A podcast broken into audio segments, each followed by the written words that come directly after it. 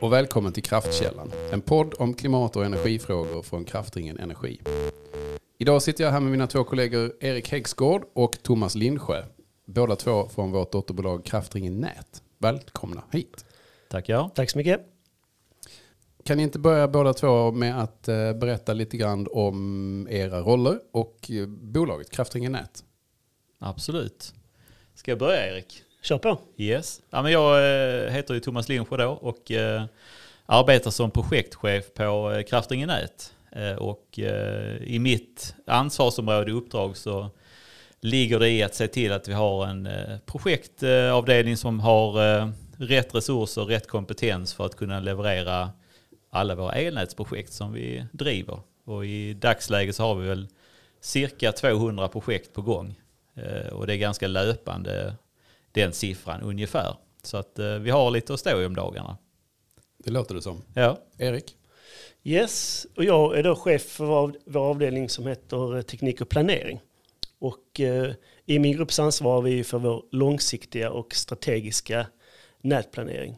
Och vad innebär det då? Jo, det är att vi tittar ju och kartlägger behoven vi har i våra elnät. Där vi måste göra reinvesteringar eller investeringar.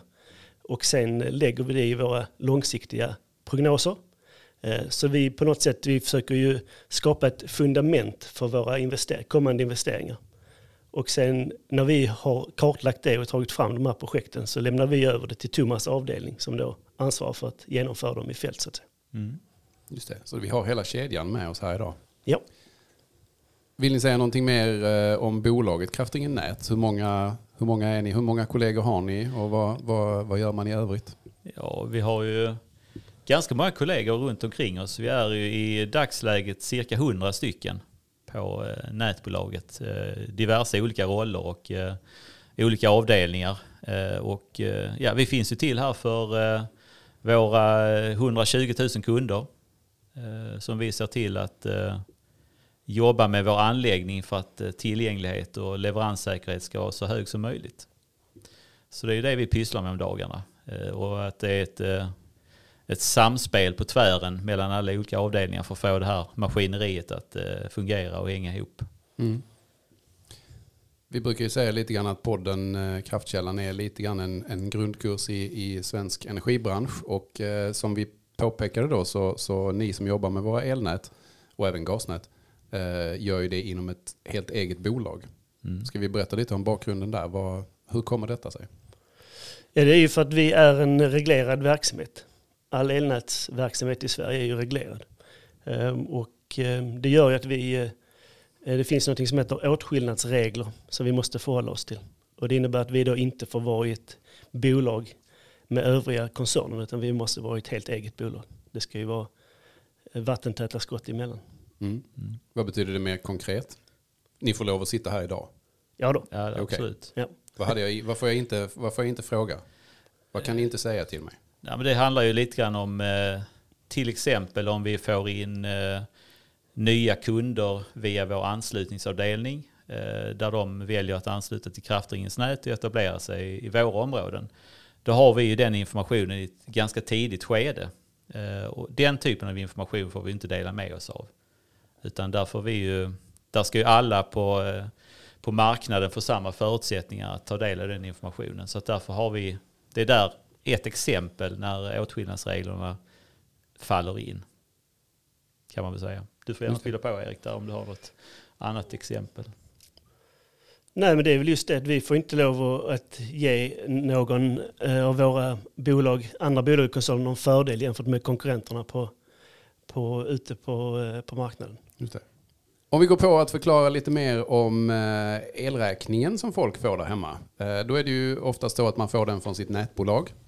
Eh, Ska vi börja med att bena upp eh, där? Vad, vad, är det, vad är det man betalar för och hur, hur fördelas pengarna?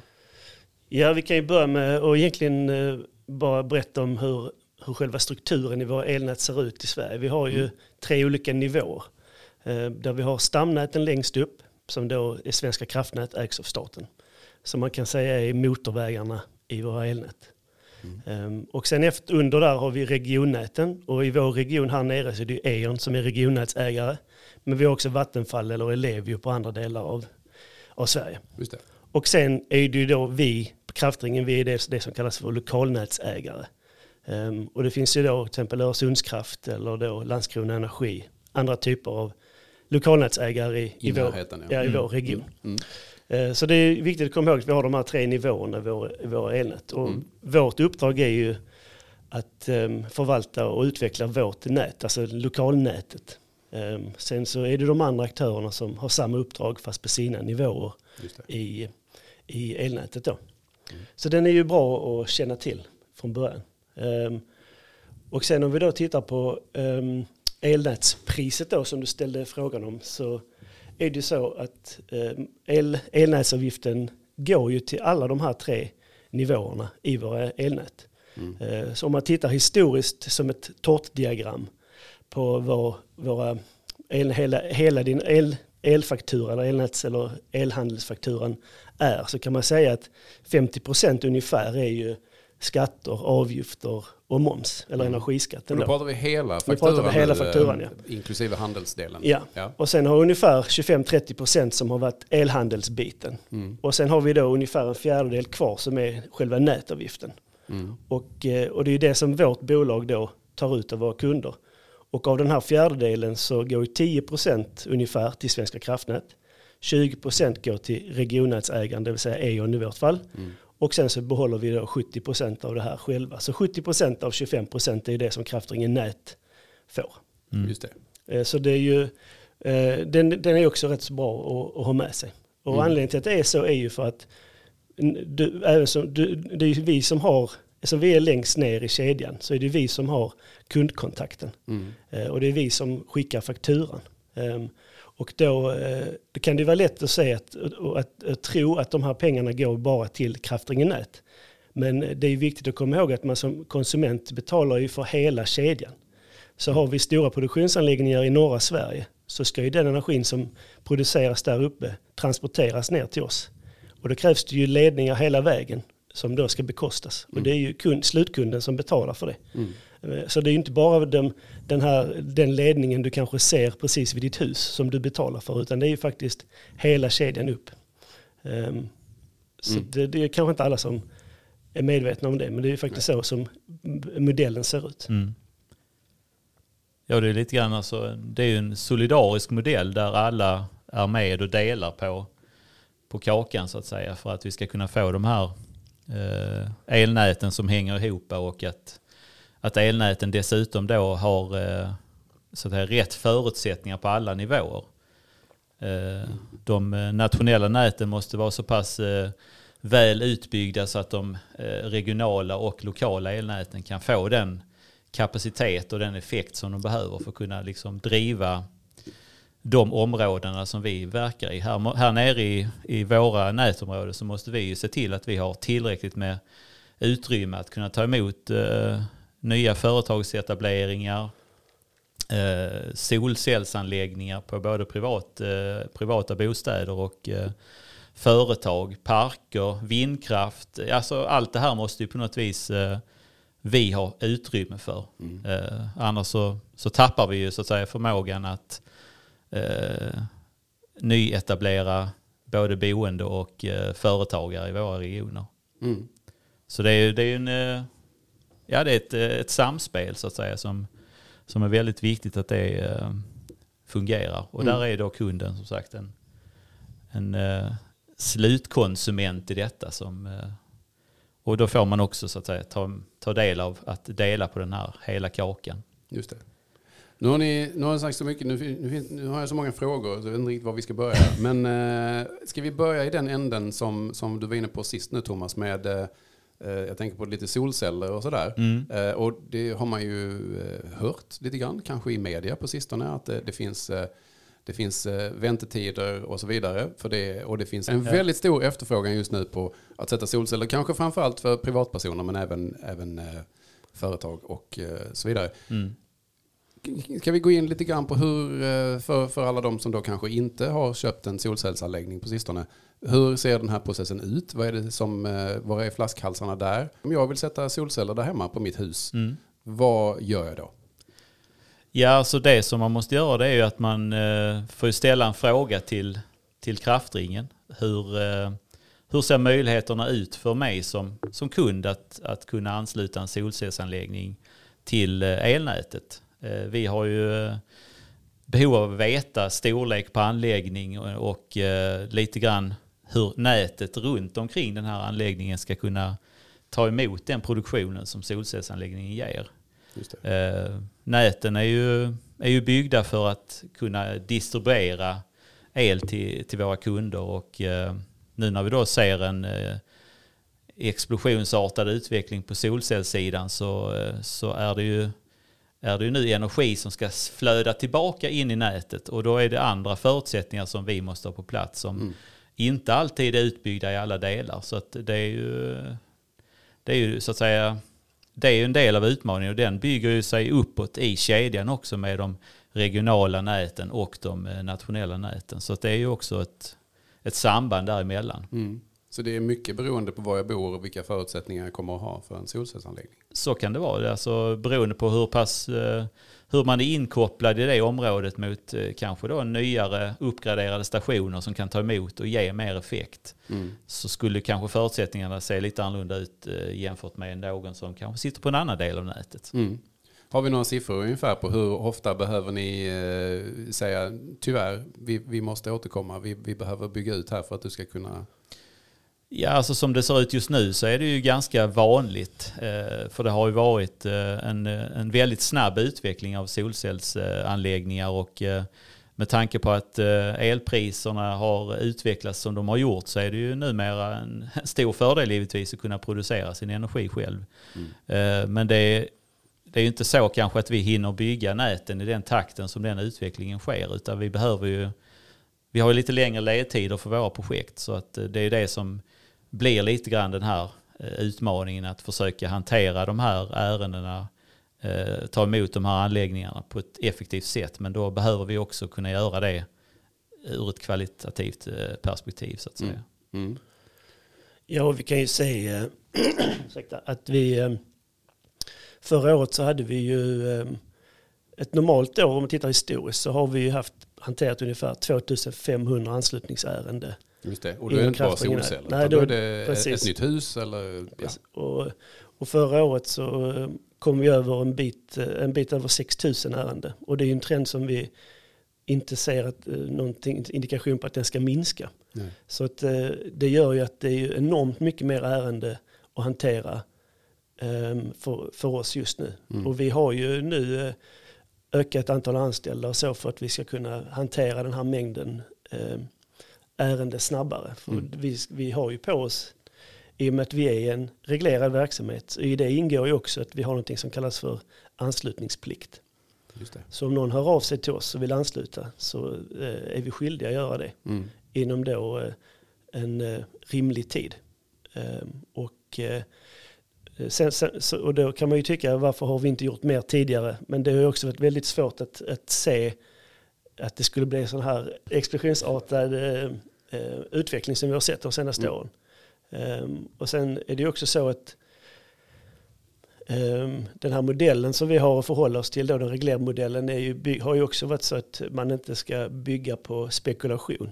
Utan man ska ju bygga utefter det behovet som, som finns i nätet. Mm. Och där är väl också en väldigt stor skillnad. Eh, man också, det har ju, kommer ju ske förändringar på det framåt. Utan där vi då kommer behöva bygga mer på prognos. Det vi tror ska hända. Mm. Eh, och eh, det är också en stor eh, förvandling inom, inom vår bransch.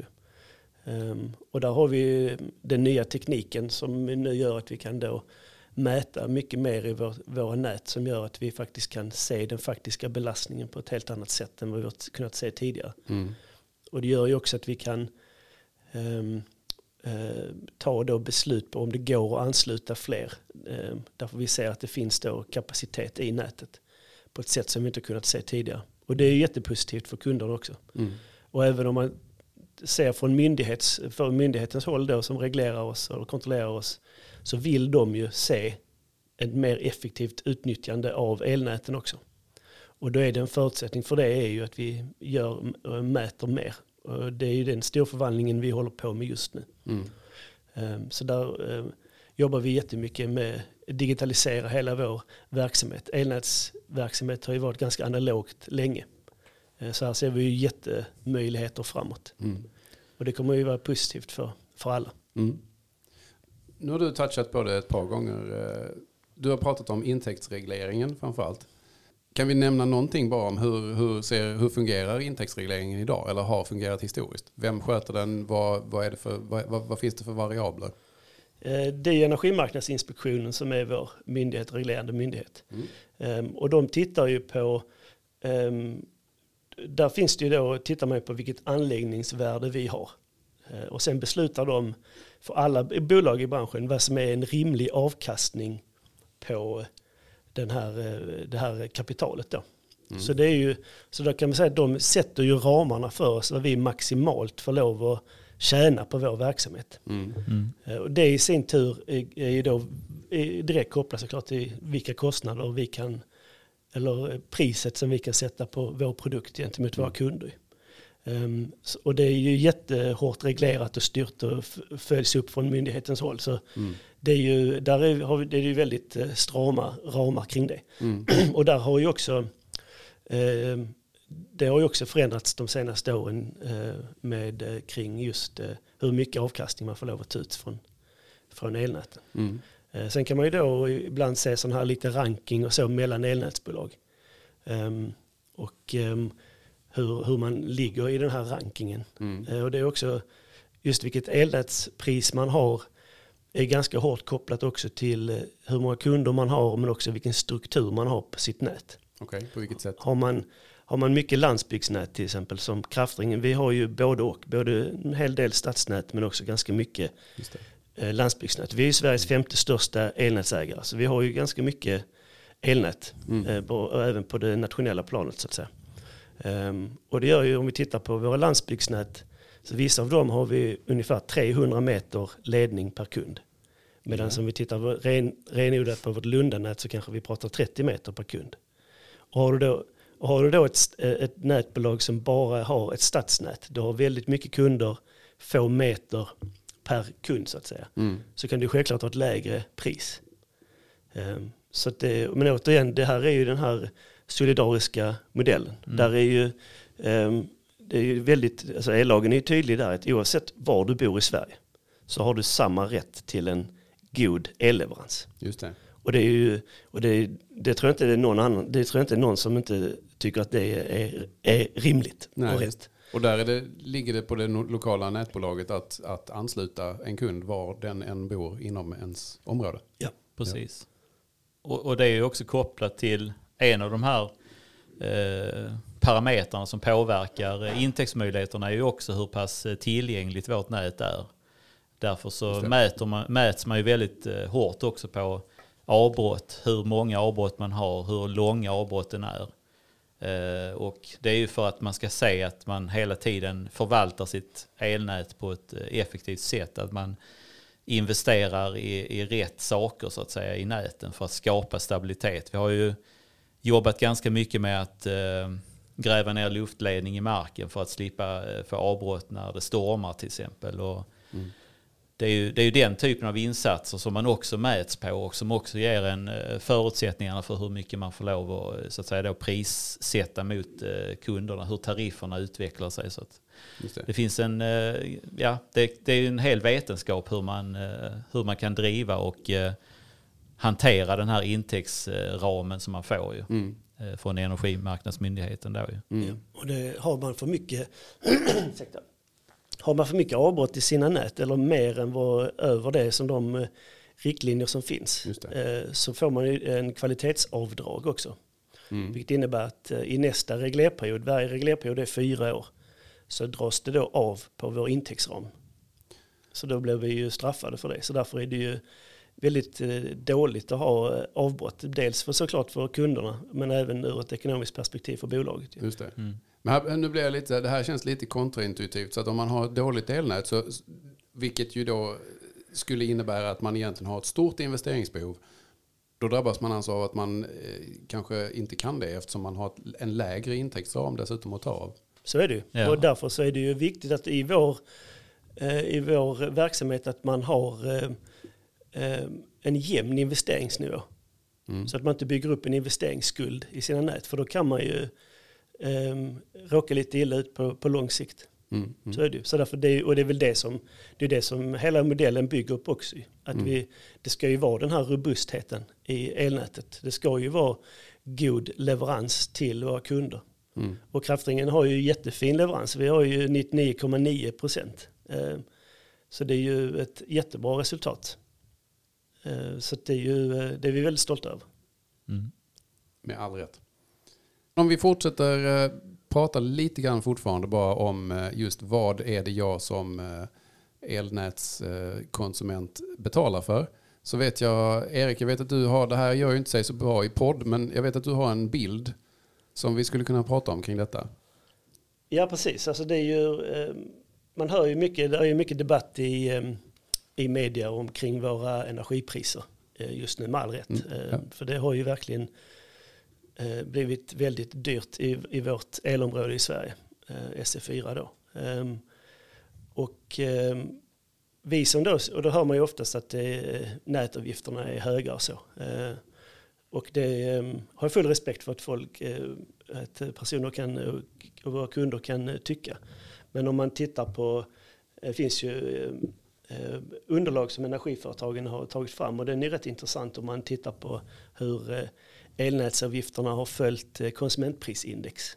Ja. Ehm, Och tittar man där så från 1970 och fram till nu så har vi ju, alltså själva elnätsavgiften som vi då, jag och Thomas på något vis De representerar. 25 procenten eh, historiskt sett av, exakt. av en krona så att säga. Ja, Mm, de ja. har ju följt konsumentprisindex väldigt väl. Mm. Däremot så hände ju någonting i slutet på 80-talet, början på 90-talet. Dels att energiskatten höjs väldigt mycket. Ehm, och eh, den eh, är ju en trend som har pågått sedan dess. Ju. Och det är den där 50 procenten som vi, jag pratade om innan. Ja. Ehm, eller både då andra, eller energiskatten och momsen och så. Ja. Den har ju verkligen sprungit iväg jämfört med övriga då elnätsavgift Ja. som, som vi representerar. Eh, och sen så är det såklart elhandeln också. Eh, och den är direkt kopplad till den problematiken vi ser i vårt, eh, vårt eh, elnätsområde då. Att vi har mycket konsumtion men väldigt, väldigt lite produktion. Just det. Ja, och det var det jag skulle komma till egentligen. Att vi får väl säga det att de här siffrorna som du har pratat om nu med 50%, 25% av, av elräkningen. Det stämmer väl egentligen förmodligen inte alls nu eller det senaste året. Givet att handelspriserna har varit så höga. Nej, precis. Det, Så att- så är det. Det är, en, det är en väldigt liten del av den nuvarande elräkningen som går till just eh, er verksamhet. Vi som sitter här och pratar idag. Absolut. Eh, Och det är ju det är på något vis, eh, den, den är ju avgörande för våra möjligheter att, att kunna så att bygga de här näten så att vi har någon form av framtidssäkring också. Vi vill ju kunna ha en stabil utveckling av näten för att kunna hantera ja, hela den omställningen som, som samhället behöver göra också. Vi Mm. pratar ju mycket om att eh, att vi måste kunna producera mer, vi måste kunna eh, ja, ladda våra elbilar eh, när vi är ute och rör oss. Eh, och vi, måste ju, vi ska digitalisera samhället och hela den utvecklingen den, Mm. den bygger på att vi också har elnät i botten som kan, eh, som kan stödja den här utvecklingen. Och eh, där kan det ju ibland vara en utmaning också när man då får, får vissa ramar att förhålla sig till så att säga. Då Mm. blir det, det gäller att den, den, eh, den möjligheten är så pass eh, anpassad för framtiden som möjligt för att vi ska ha rätt förutsättningar för det, det som är vårt uppdrag. Mm. Eh, Så det där är ju en, ja, det är en grannlaga uppgift kan man väl säga. Det kan man ju tänka sig. Och, och om vi går in på det, vi, vi pratade ju om det innan också, att, att eh, vi ser en eh, utveckling på allt det du säger med, med att eh, det kommer att krävas mer och mer av elnäten i framtiden om vi ska framförallt bli av med våra fossila bränslen och eh, annat. Jag gillar ju siffror som ni har förstått och jag råkar ju veta att, att vi kommunicerar ju just nu att, att fram till 2030 så ska Kraftringen Nät investera ungefär 3,5 miljard svenska kronor i våra elnät. Mm. I, i- alltså i våra nätområden. Jätteintressant. Vad kan ni säga med hur ser det arbetet ut? Var börjar ni? Vad, vad går pengarna till? Vad, vad händer just nu? Eh, Ja, vi, vi har ju en mängd olika projekt eh, på gång som är eh, egentligen att bygga näten eh, uppifrån och ner kan man ju säga. Mhm. Där det handlar om att eh, från regionnäten så måste vi kunna ha möjlighet att ta emot det behovet vi har helt enkelt. Och då behöver vi bygga ut våra stationer som då är liksom första eh, gränsen mot regionalnäten då. Mm. Eh, och eh, bygga dem för att ja, vara så framtidssäkra som möjligt. Att kunna ha den flexibiliteten och den kapaciteten att kunna utöka och vara skalbara över tid. Mm. Och sen är det ju allting som ligger under de här i våra lokala nät. Att ha rätt dimensioner på våra kabelnät, att ha rätt dimensioner på eh, våra transformatorer i våra nätstationer och så vidare. Så att det är ju eh, det är ju hela den kedjan som måste fungera hela vägen ut till slutkunden då när vi ansluter eh, privatpersoners villor eller eh, när vi ansluter flerfamiljshus. Eh, så då måste, laddstolpar. Laddstolpar, precis. Ja. Eh, Så det, det blir viktigt att det hänger ihop där och att det finns en eh, skalbarhet i det så att vi Mm. hela tiden har möjlighet att ta emot produktion, att kunna skicka ut till eh, laddplatser och, och så vidare. Så att, eh, Men man börjar i andra änden så att säga. Du börjar inte med att bygga, gräva ner ett elnät i ett kommande bostadsområde till exempel. Utan det finns ett långt och gediget arbete som måste vara gjort innan dess. Högre upp i kedjan så att säga. mm, Ja, du måste ju alltid säkerställa att du kan ta emot den ökade effekten uppifrån. Mm. Eh, precis som Thomas säger. Mm. Och det är ju eh, och det är ju väldigt dyra investeringar de här eh, stora, större stationerna. Mm. Med de här större krafttransformatorerna som ska placeras ut.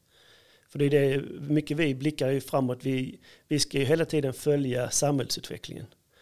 Och i de, jag tror det är 27 kommuner som vi har elnät i. Mm. Och då är det jätteviktigt att vi är, är införstådda med alla de här kommunernas utvecklingsplaner. Mm. Eh, Och kan då möta det på ett, på ett bra sätt. Så att ni Och- kan prioritera också. Ja, precis. Och det, där handlar det ju om att eh, ha en god dialog med alla de här kommunerna. Och sen Mm. har vi såklart våra fyra ägarkommuner som vi är, har eh, en jättetät dialog med. Och eh, ser till eh, och framtidssäkrar alla elnäten. Mm. Inte bara i, alla våra kommuner såklart. Mm. Eh, För en som inte är elkraftingenjör. Eh, vi pratade om det tidigare att det fanns nät på tre olika nivåer och sådär. Men kan vi inte, kan vi inte nörda ner oss lite i vad, vad, när det kommer in en sladd från eh, regionnätet. Sladd, jag säger det lite så vanvördigt, men ni vet vad jag menar. ja. Kabel. kabel, Kabel. ja. Var ansluter den till oss? Vad är det för ett, ett ställe? Hur ser det ut? Vad gör man där? Och varför? Vill du börja? Eller ska Jag kan väl börja Ja. lite så. Nu får jag väl tillägga att jag är inte elkraftsingenjör utan jag är då ekonom. du Men det går lika bra ändå. Eh, Men tittar vi då på eh, gränssnittet mellan eh, regionnäten och lokalnäten så handlar det om att vi har våra mottagningsstationer där vi tar emot kraften från överliggande nät och sen så transformeras ju den här egentligen spänningen ner till rätt nivåer för att kunna skickas ut i, i näten under. Så det är lite grann där man börjar. Och sen har man ju då eh, efter mottagningsstationer har man kanske då olika andra understationer som fördelar ut eh, och kanske också transformerar ner eh, spänningen. Just det, för det är inte 230 volt i de här eh, kablarna. Nej, det är ju eh, kilovolt. Det kan vara en eh, 50 kilovolts anslutning mot eh, överliggande nät eller 130 kilovolt. Det är ju ganska vanligt. Och sen så transformeras det ner till då kanske ja, 20 kilovolt eller 10 kilovolt. Beroende på liksom hur nätstrukturen ser ut underifrån. Mm. Eh, Så att eh, det, det är ju första gränsen så att säga mot, mot eh, det och, och vad vi har där. Och där kan väl du också eh, kanske fylla på lite Erik, du som är elkraftsingenjör tänker jag. Ja, precis. Det är tur vi har en sån i, Ja, i exakt. lokalen. Ja, men det är ju så, precis som Thomas säger, när vi har transformerat ner det då från 130 kilovolt till eh, 10 kilovolt till exempel, som vi har här i Lund, Mm. då har vi ju eh, jättemånga ställverk i, där vid den här eh, mottagningsstationen. Det kan ju vara 20, Vad är ett 30. ställverk? Det är ju som en eh, brytfunktion kan man säga, där du har en utgående kabel.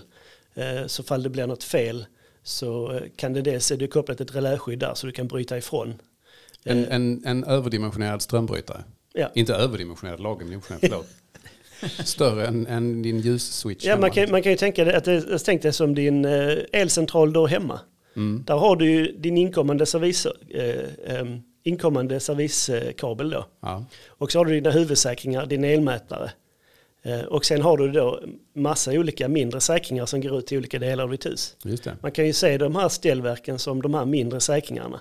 Fast på en mycket högre nivå En- i nätet. Ja. Eh, det. Så det är skyddsfunktioner på varje dom. Och dels ska du kunna, det ska kunna bryta ifrån om det blir något fel i nätet såklart. Men Mm. även ska du kunna gå dit och sektionera som det heter. Det vill säga bryta ifrån om du vill mata från ett annat håll i nätet och så. Mm. Och det är ju en grej, det har vi touchat på innan också, med, när vi pratar om kvalitet och, och leverans, eh, så, vad heter det? Leveranssäkerhet. Leveranssäkerhet. Att eh, redundans, alltså det här att kunna mata från ett annat håll. Ja. Eh, en, nu händer det inte så ofta, men strömavbrott finns ju. Jo. Mm. Eh, och det är också er verksamhet som sköter om, om det händer någonting här. Absolut. Eller? Vi har ju en driftcentral som sköter, som sköter själva driften av våra elnät. Av hela, av hela elnätet, precis. Och eh, det är man ju nyfiken på. Hur eh, går det till? Vad ska vi gå in på det? Jo, men det är ändå... Ja, lite, lite övergripande kanske. Ja, men precis. Men, men så det händer ju trots allt, vi får väl säga det. Det händer ju trots allt att det sker eh, avbrott. Även i nät som har 99,9, det är till och med lite mer än 99,9 Ja, det är procent. någon decimal till, men vi har ju, vi har ju rundat av lite. Vi, vi är precis ödmjuka. Ja. Men det händer att vi får avbrott även i våra nät. Eh, hur, vad händer då? Men eh, det som eh, utifrån de här ställverken sen Ja, har vi våra då det vi kallar för eh, mellanspänningsnät. Som i det här fallet i Lund, om vi tar det som exempel, är 10 kilovolt. mm. Och det går ju ut i slingor eh, där det har, vi har nätstationer utplacerade. Och det är de här små transformatorhusen som man kan se i villaområdet till exempel. Och där transformeras det ju ner från då 10 kilovolt till eh, 400 volt. Eh, men precis som jag sa, det är en slinga då. Mm. Vilket gör att det, eh, eh, du kan ju, om du får ett fel, mata den här slingan från två olika håll. Men först måste du identifiera var felet är. Så kopplar du bort det ute i nätet. Och sen kan du då mata kanske från ett annat håll. Mm. Och på så vis kan du hålla nere eh, avbrottstiden för dina kunder. Du, ska, du måste alltid ha ett reservmatnings, eh, eh, reservmatningsmöjlighet då inom ditt elnät. Just det. Så att när eh, och om ett avbrott inträffar så, så går, kan det, om det inträffar, beroende på var det inträffar, så går det ändå att begränsa eh, problemets storlek. Precis, och det är ju det som, eh, då om det händer någonting, det blir ett fel i nätet, så är det ju driftcentralen som då går in och gör de här eh, då justeringarna eller eh, då eh, i Ja, omkopplingarna Omkoppling, ja, omkopplingar i våra Mm. nät. Och det är ju första, första instansen, om man kallar det så, att, att koppla om och eh, sektionera bort så att säga felen.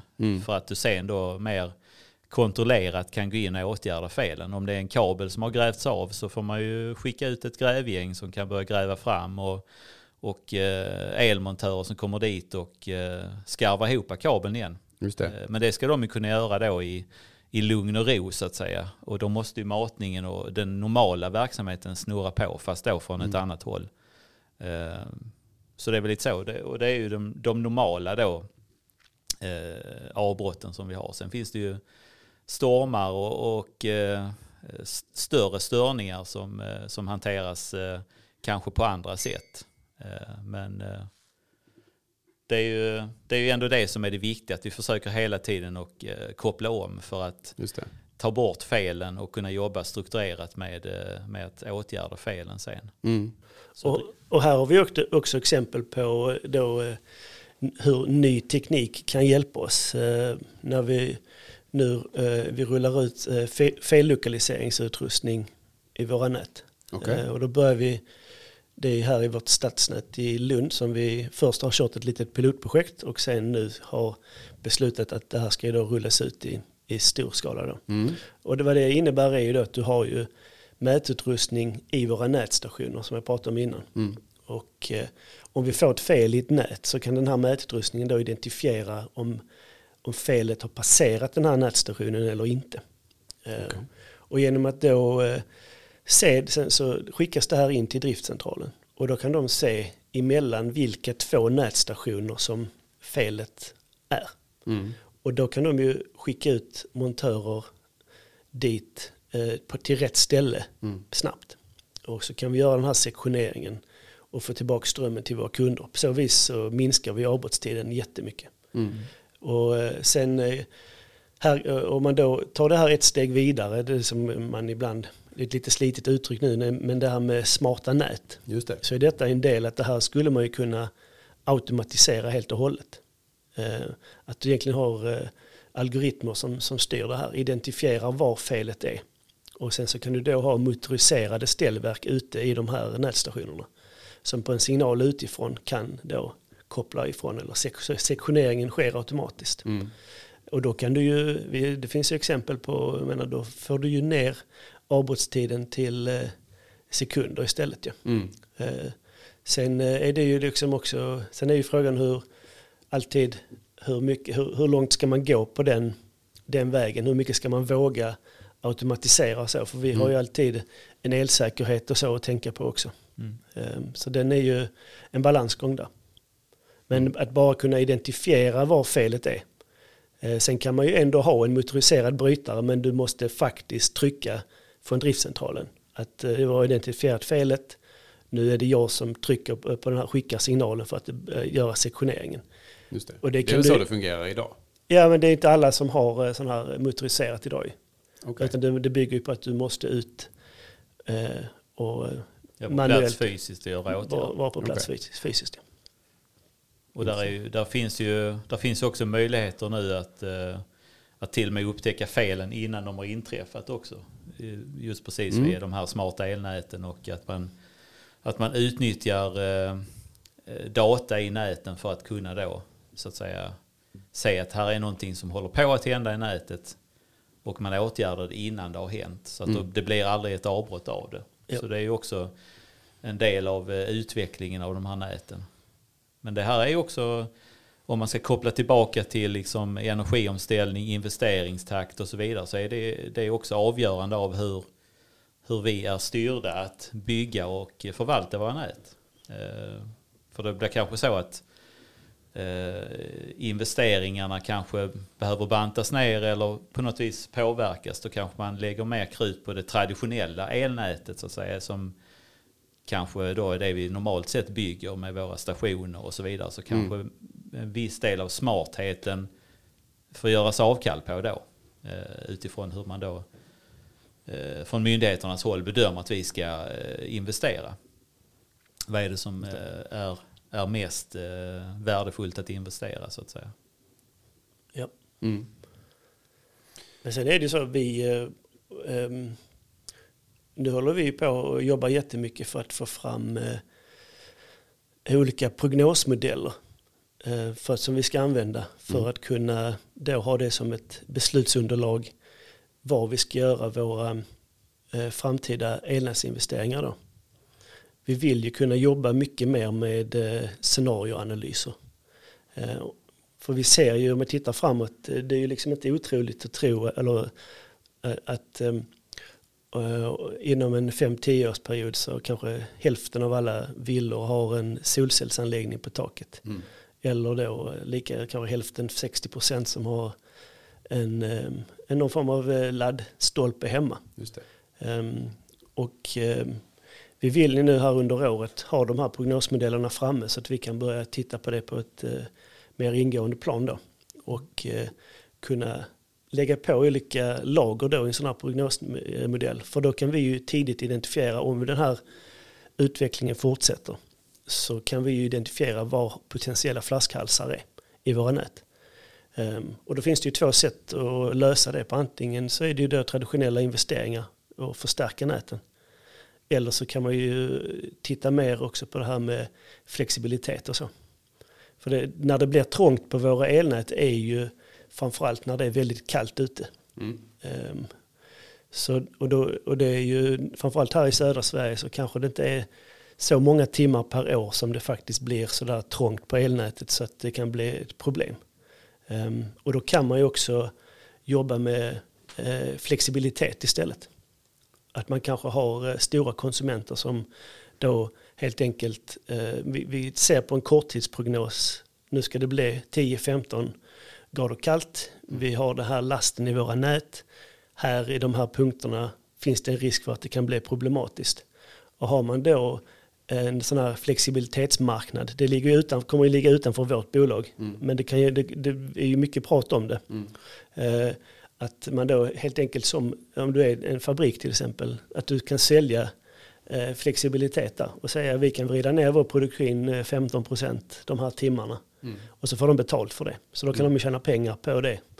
Um, och det, jag tror det är mycket den typen av lösningar som vi kommer få jobba med också. För att eh, om vi tittar framåt, eh, Sverige har ju historiskt nu, rätt länge har vi legat på de här 150-160 terawattimmarna på hel, i nationellt då. Just det. Eh, ja, i, I elproduktion ska vi säga. Ja, på energibehovet i Sverige kan ja. man säga. Och, då, och medan, om man då tittar framåt till 2045 eh, så finns det ju vissa prognoser som tyder på att det kanske dubblas till dess. Eh, och, det, det blir ju, och då kommer det ju krävas enorma investeringar på alla de här tre nivåerna mm. som vi pratar om i våra elnät för att mm. vi ska kunna lösa det. Och det måste till såklart väldigt mycket mer produktion i Sverige. Mm. Um, och um, det, det, är de, så det är det man kan göra liksom i investeringar på stora produktionsanläggningar, elnät. Och sen så är ju andra sidan så att jobba med flexibilitet. Så att eh, kan, för, för, om man för har en bra flexibilitetsmarknad som fungerar så kan det ju också betyda att vi kan inte behöva göra lika stora investeringar i våra elnät. Mm. Nej, så man måste försöka hitta en rimlig eh, mötespunkt mellan de här två, liksom mm. en, en, avvägning precis. Och detta är, här kommer det in mycket med problemen med eh, när man pratar om eh, intermittent elproduktion, alltså att, ja. att, att vi vet inte riktigt när och vilken volym el som kommer att produceras. Mm. Och Nej, helt klart. Vad är, vad är då rimligt att uh, sätta i investeringar på elnäten? Vilken nivå ska ni kunna, nu säger jag ni, men uh, ska ni kunna möta? Vad är rimligt och vad, vad, är rimligt att vi alla betalar för antar jag? Ja, och det blir ju viktigt också. Jag tänker alltså alla som, som finns i elnäten, uh, allt från vi som jobbar med att förvalta och utveckla till att vi har våra slutkunder som förbrukar eh, energi i våra nät så handlar det mycket om att eh, alla måste på något vis hjälpa till att eh, effektivisera sin eh, förbrukning också. Eh, och eh, det är även kopplat lite grann till flex tanken så att säga. Mm. För att vi ska kunna hålla någon form av balans sett över dygnet, årets alla dagar. Så att, och sen så även att man kanske får med lagring kommer vara en viktig del framåt också för att just den här eh, produktionen, solcellsproduktion till exempel, mm. det kanske är en dag när solen eh, lyser jätteklart och det är många soltimmar, då blir det tufft att och kunna ta emot allting i elnätet och då behöver man kanske ha batterier hemma som kan lagra den energin för att ta ut sen en, en dag när solen eh, är bakom molnen. Så att mm. det är ju det är många olika lösningar som behöver komma till. Som eh, dels det vi kan göra inom elnätsverksamheten men även det som, som kanske energibranschen behöver jobba med stort. Att hjälpa kunderna att bli effektivare. Bara för att man har en säkringsstorlek eh, av en viss typ så innebär det kanske inte att man använder hela den. Just det. Eh, så att man hittar liksom rätt nivå och kunna vara lite mer flexibel i det också. Mm, mm. Hur man förbrukar och hur man producerar. Mm. Nu vet jag att eh, alla vill springa iväg på nästa möte eh, och annat. Programtiden börjar lida lite mot sitt slut. Eh, är det någonting ni vill skicka med? Är det någonting ni tycker? Eh, vi, vi, har ju hur mycket som helst som vi inte har pratat om givetvis, men eh, någon, någon extra viktig punkt som vi har missat? Erik, ser ut att eh, jobba på något annat. Ja, precis. Nej, men jag, jag tycker också att vi har fått med det mesta här. Men det är ju det är en fantastisk bransch att jobba i just nu. För menar, den här energiomställningen vi står inför. Det är ju helt fantastiskt att vi Just det. Att det ju, skapar ju jättemycket möjligheter också. Och det är ju eh, kul. Jag tycker det är fantastiskt kul att jobba i den här branschen. Det händer ju väldigt mycket och kommer göra det många år framöver. Så att, eh, Just det. Och det, det är ju det är fantastiskt tycker jag att, att, när man jobbar eller på sitt arbete kunna vara med och möjliggöra den här energiomställningen. Mm. Det är mm. det som jag tycker att det är kul att gå till jobbet varje dag. Mm. Och den som lyssnar här och som håller med dig, Eh, vilket vi ju alla gör givetvis. Ja, eh, vad är det, någonting, vad är det för någonting ni söker hos er? Vad, vad är det för kompetens som vi har behov av och som ni kanske ser en brist på? Eller annat? Om man, om man sitter som eh, student idag, vad, vad ska man rikta in sig på? Det finns ju, finns ju hur mycket som helst att göra inom den här branschen som Erik sa. Och Mm. det är ju, framförallt så kommer det komma mycket nya kompetenser som vi traditionellt sett inte haft eh, tidigare. Så att på lång sikt så, så tror jag att det kommer att behövas mycket mer eh, kompetens kring hur vi ska eh, utveckla, utveckla vår digitalisering, kunna hantera våra system och, och den data som, eh, som kommer in. Eh, tittar man lite mer på kort sikt så handlar det ju mycket om att eh, det finns en brist på projektledare inom elkraft. Det finns en brist på eh, personal ute på fältet, eh, elmontörer och ja, egentligen alla som behöver eh, hjälpa till att bygga den här anläggningen. Mm. Det, så det, det kommer att finnas jobb här för eh, lång tid En framåt. överskådlig framtid, verkligen. Ja, och det är som Erik säger, det är ju, det är en eh, bransch där det, utvecklingen är ju explosionsartad. Och vi ser ju också att våra eh, kundbeteenden och behov eh, ändras ju ganska radikalt Mm. utifrån vad man traditionellt sett har haft eh, inom den här branschen och, det vi har levererat eh, historiskt så att säga. Just det. Så för alla som funderar på vad man ska pyssla med i framtiden så är det ju elkraft som, eh, som gäller skulle jag vilja säga. Energibranschen lockar. Framförallt elkraft. Framförallt elkraft, Såklart. givetvis. Ja, ja. givetvis. Ehm, och för er som eh, lockas av någonting annat så har vi flera avsnitt av den här podden som man kan gå tillbaka och lyssna på. Även andra kollegor från delar av verksamheten. Men det tycker jag var en jättefin avslutning. Stort tack för att ni kunde vara med, Erik och Thomas. Tack. Tack så mycket. Eh, och tack för dig, som- till dig som har lyssnat. Eh, om du har en fråga som du inte anser har blivit besvarad så eh, kommer vi ju givetvis att återkomma till våra vänner på Elnät framöver. Och då får man gärna höra av sig till oss på Kraftkällan. Enklast genom att gå in på vår sida, på vår webbplats kraftringen.se podd. Där podd stavas P-O-D-D. Eh, Eh, där finns det ett litet formulär som du kan fylla i och eh, skicka dina eh, kommentarer och frågor direkt till oss på redaktionen. Och givetvis även om man har frågor eller idéer för ett helt annat avsnitt och någonting man vill veta om kraftringen eller energibranschen i stort. Stort tack till dig som har lyssnat och så hörs vi nästa gång.